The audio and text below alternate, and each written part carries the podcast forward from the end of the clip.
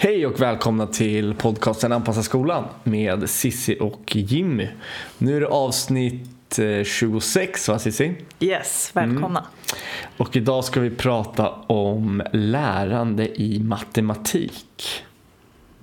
När vi var i planeringen av det här avsnittet så bestämde vi oss att höra av oss till matteappen som är ett digitalt eh, verktyg som jag använder mig av dagligen i, i min undervisning och höra ifall de var intresserade av ett samarbete i det här avsnittet.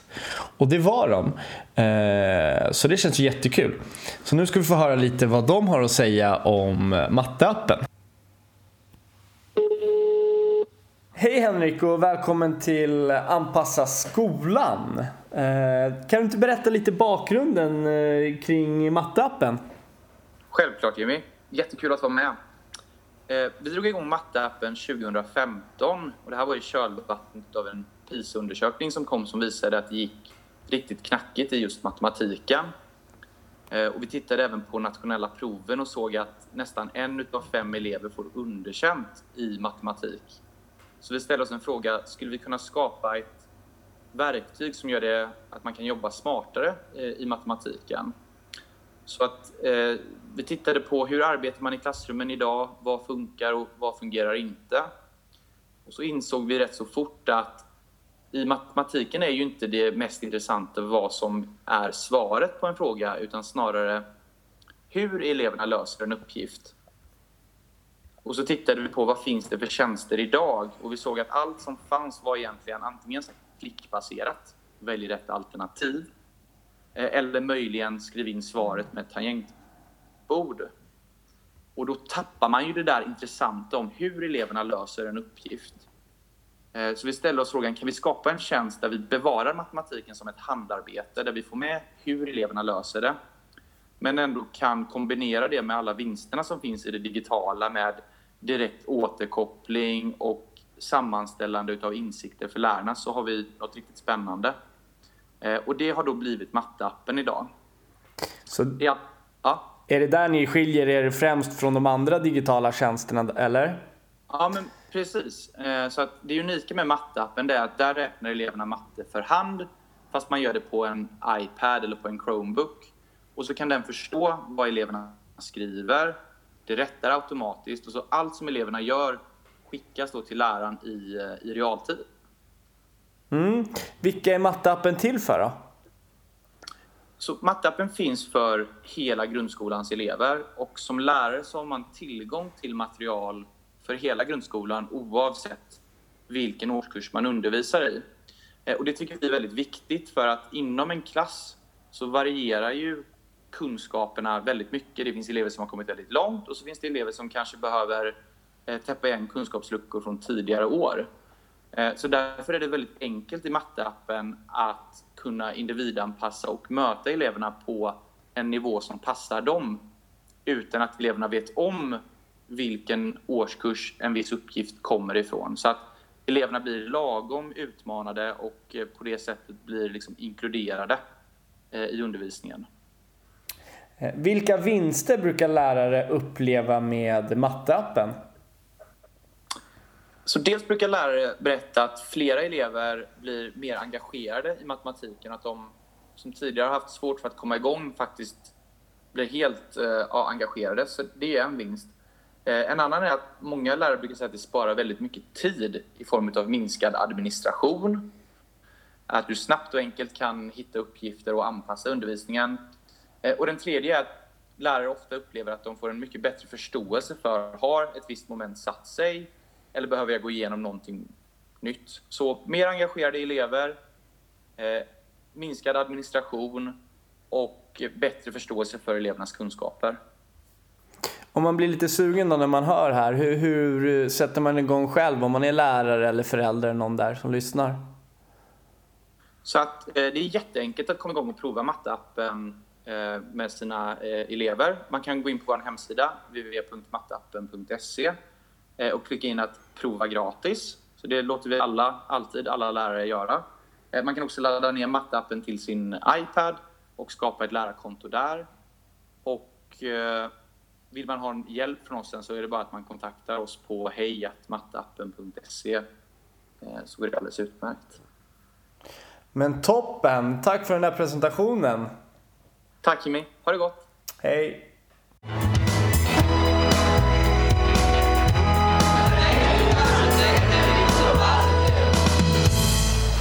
Vi har läst en doktorsavhandling utav Yvonne Liljeqvist som kom nu i våras 2019 som heter just lärande i matematik och det är därifrån vi kommer att utgå från i det här avsnittet. Mm. Ja, vi kan väl börja med att beskriva lite hur en vanlig mattelektion kan se ut på kanske högstadiet eller gymnasiet. Hur brukar du göra på dina lektioner? Ja, nej, men en vanlig lektion är ju väldigt så här att man har en genomgång och sen jobbar man med det man har gått igenom. I, Kanske i boken ja, eller på något löst blad eller ja. ja, precis. Arbetsblad man eller har boken. ungefär 45 till ja, 70 minuters lektioner. Precis. Mm. Och då, hur mycket tid brukar du ta på genomgången? Ja, jag försöker inte ha så långa. Den här, nu senaste månaden har jag märkt att jag dragit ut på mina genomgångar faktiskt. Mm. Så jag ska försöka korta ner dem. Nej, men jag försöker ha max, max en kvart. Mm. Ja, men egentligen så vill jag nog ha ännu lite kortare och kanske dela upp dem under lektionen också. Mm. Vad händer om du har för långa lektion, eller eh, genomgångar på lektionen då? Jag tappar många elever. Mm. Ja, Hur ser du det? Ja, de börjar, jag tappar närvaron hos dem. Ja. Det ser ju ögonkontakten eller dialogen med dem efteråt. Man märker ju också ifall de inte har förstått. Mm. Och sådär. Mm. Men jag försöker alltid ha en uh, liten twist. Jag försöker, jag försöker, komma ifrån det här att bara ha en genomgång och sen räkna i boken. Mm. Jag försöker ha något annat eller bryta av det eller låta dem jobba med lite uppgifter innan och sen kunna ha en genomgång på det så att de först har fått Mm. leka lite med det. Det tycker jag är, kan funka bra. Och det är lite svårare, det beror på lite vilket område man håller på med och så. Mm. Ibland kan det vara lite svårare att hitta sådana vägar. Mm. Ibland kan det vara lite enklare, passa bättre. Mm. Jag kan ge lite exempel hur ett traditionellt gymnasium brukar ha då. Mm. Det påminner lite om det du berättade. Mm. Genomgångarna kan ju vara förhoppningsvis under 20 minuter Mm. men de kan ju också vara längre och där kan det också hända då att man tappar elever. Jag är ju med som duolärare på lektioner och eh, sen så börjar man räkna övningar i boken eller man får ett löst blad och då går jag runt och hjälper till. Och då är det ju, händer det ju att det är ju elever som inte har hängt med på genomgången så då blir det att jag tar genomgången igen enskilt med vissa elever. Ja, precis. Det är en traditionell matematiklektion skulle jag säga. Ja. Och så kan man ju behöva göra även fast eller eleven har hängt med. Absolut, Ja. att man behöver höra det två Ja, gånger. precis. Ja. Mm. Och utifrån den här forskningsrapporten då så ska vi ge lite tips på hur man kan tänka lite nytt kring det här traditionella då. Mm. Vi kollar lite vad de kommer fram till för resultat. Mm. Så den här avhandlingen har ju ställt två olika undervisningsmetoder kanske mot varandra.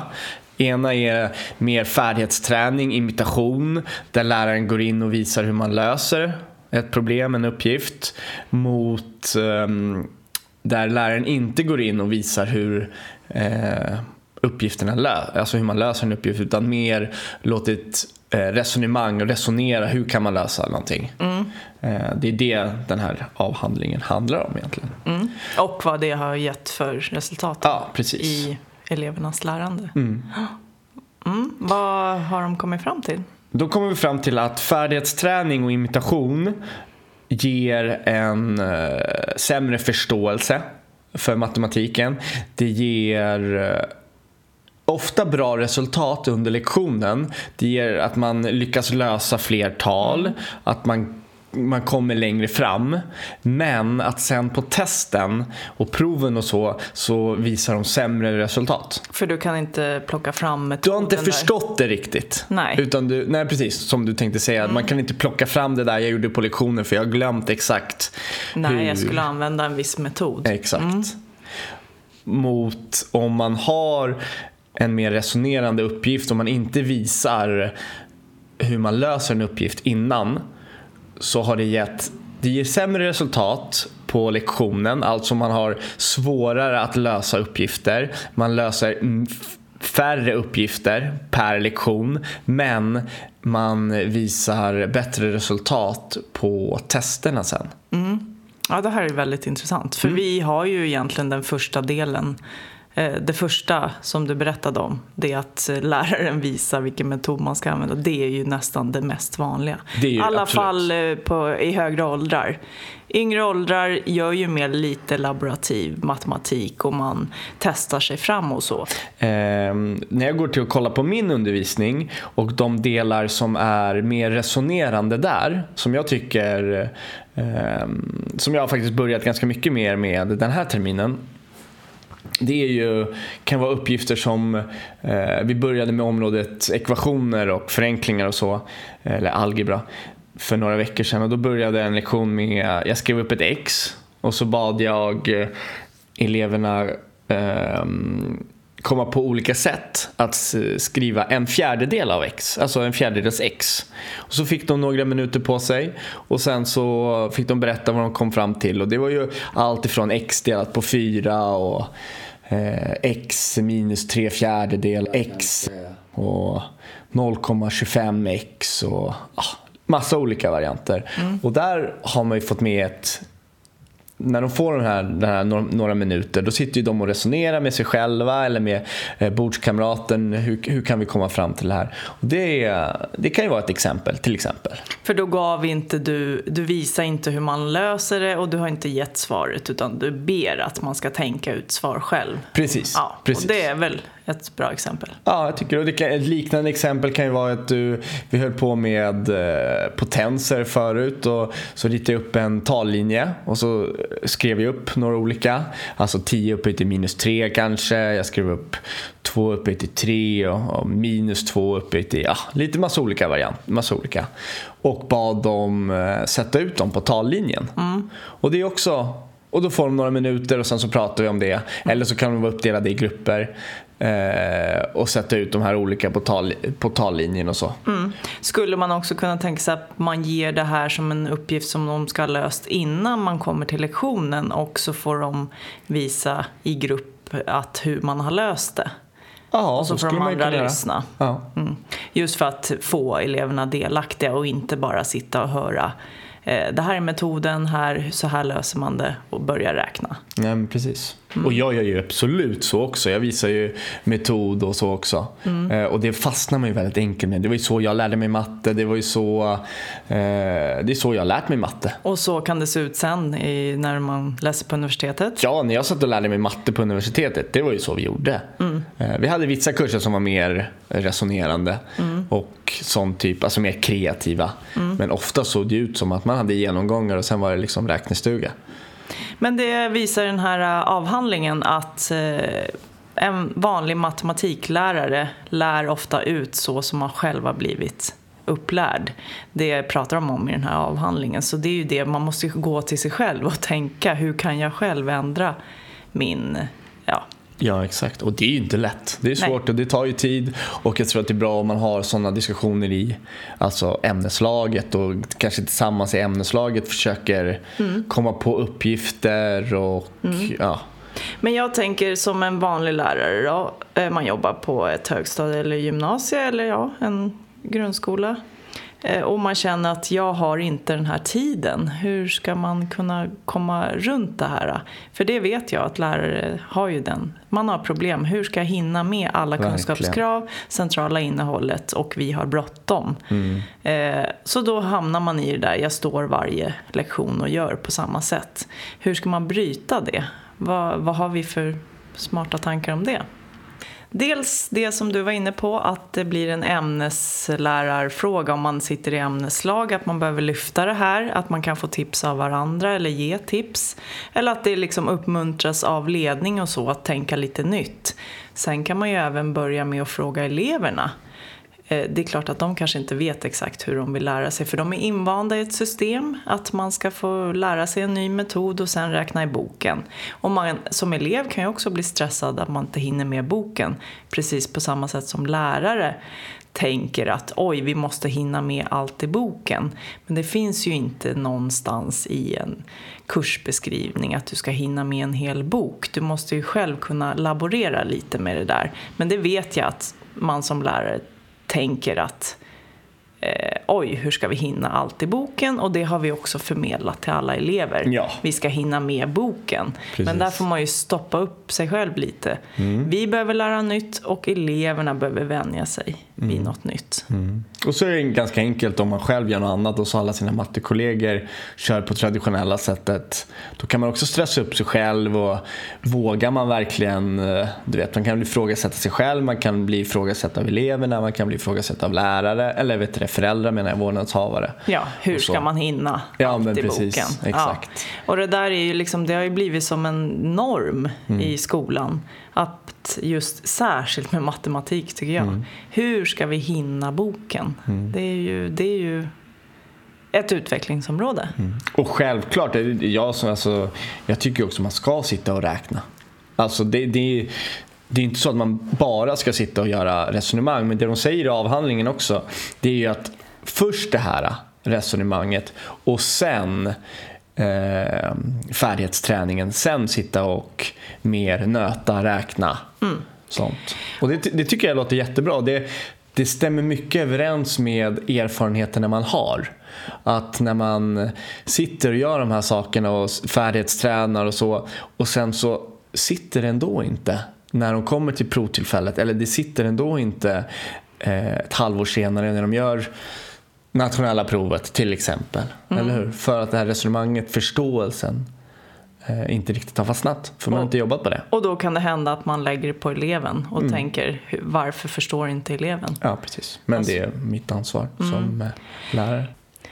I den här avhandlingen, om vi kopplar just till det här ansvar hos lärare och, och elever så hade de fått fram ett resultat som de blev själva förvånade över. Och det var att eh, de elever som har då eh, lite sämre kognitiva förutsättningar de gynnades av att man använde de här mer kreativa och eh, resonerande uppgifterna.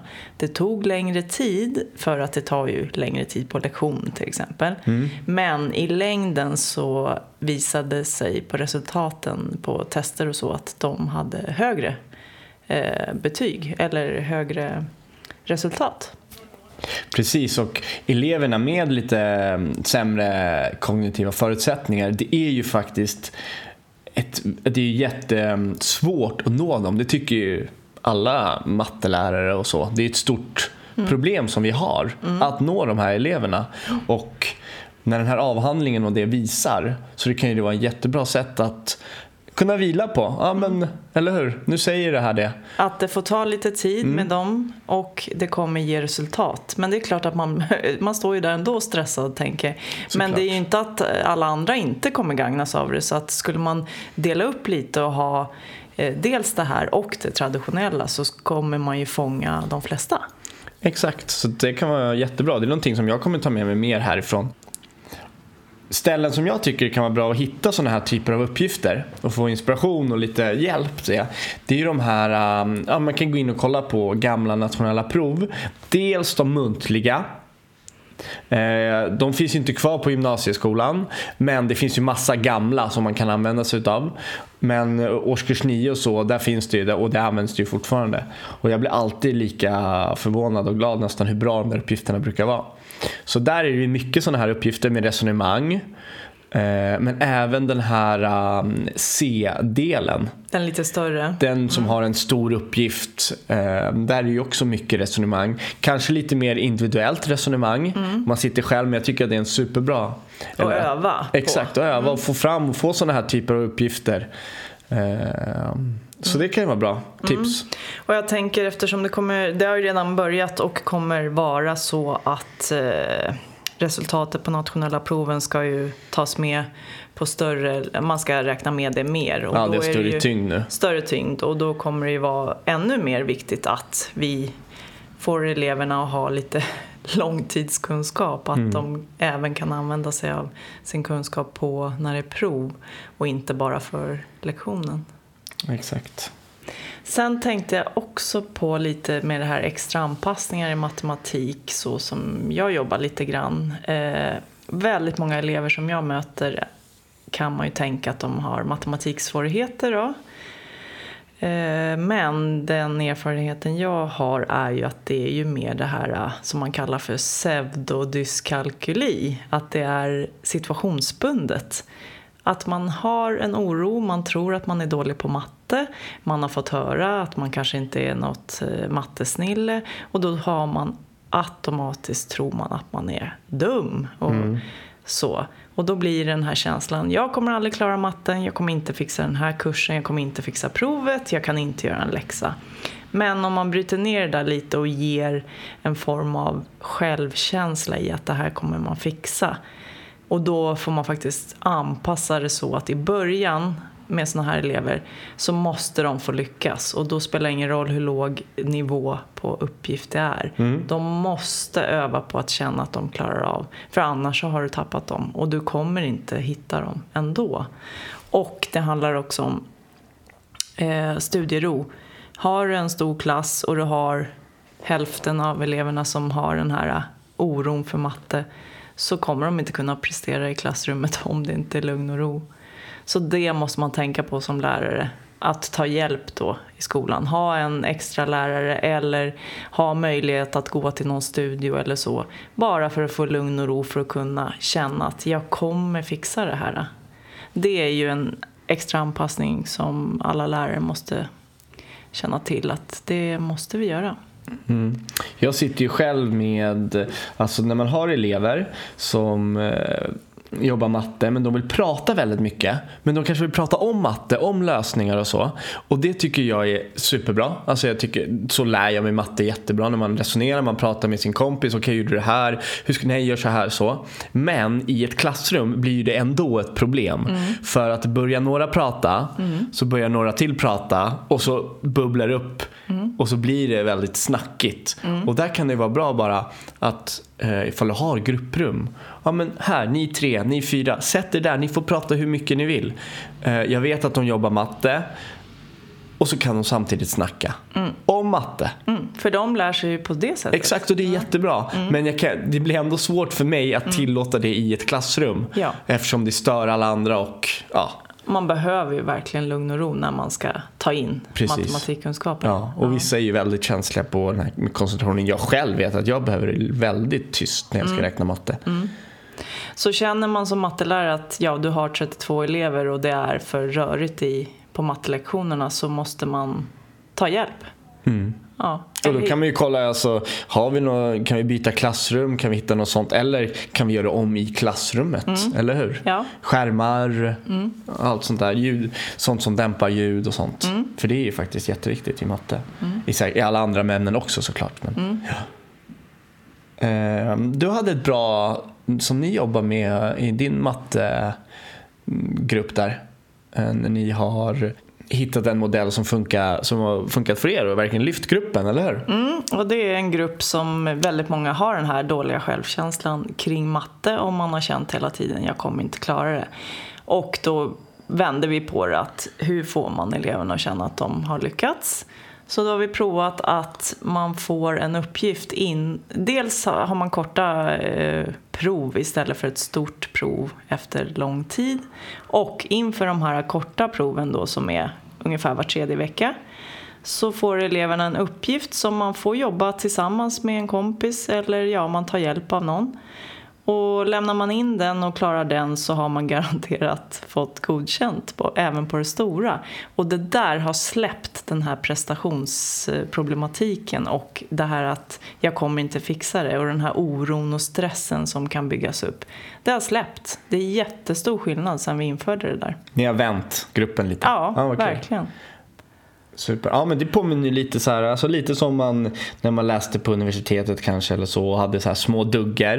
Om man klarade duggarna så behövde man inte skriva tentan för att klara kursen. Eller när man hade de här mm, problemsamlingar och man kunde få bonuspoäng till tentan. Mm. Alltså något typ av sånt system. Ja, och lite ja, känslan av att lyckas. Det är ju det det är klart att det finns samma känsla i andra ämnen men just i matten så stöter man ofta på det här eh, hos många elever att eh, ja, att jag inte kommer fixa det. Och den oron stör ju även hela skoldagar. Eller an, ja, det stör ju ja, hela skolan, ska man säga. Absolut. Ska vi börja sammanfatta och avsluta där? Så det vi har pratat om idag är alltså att vi ska försöka ha lite mer resonerande, typ lite kreativare uppgifter. Eh, Det kommer dröja lite längre tid. Vi kommer göra lite färre uppgifter per lektion som kanske tar emot lite i början. Men vi vet om att de lyckas bättre på tester och prov. Mm. Och de som har lite sämre förutsättningar kommer också gagnas Precis. av detta. Jättebra. Och det här betyder ju inte att vi ska sluta med färdighetsträningen så, men det kommer efter. Toppen. Bra. Bra. Då tackar vi för idag. Yes, och så ses vi vid nästa avsnitt. Så får vi tacka matteappen också som ville samarbeta med oss. Just det. Hej då. Hej då.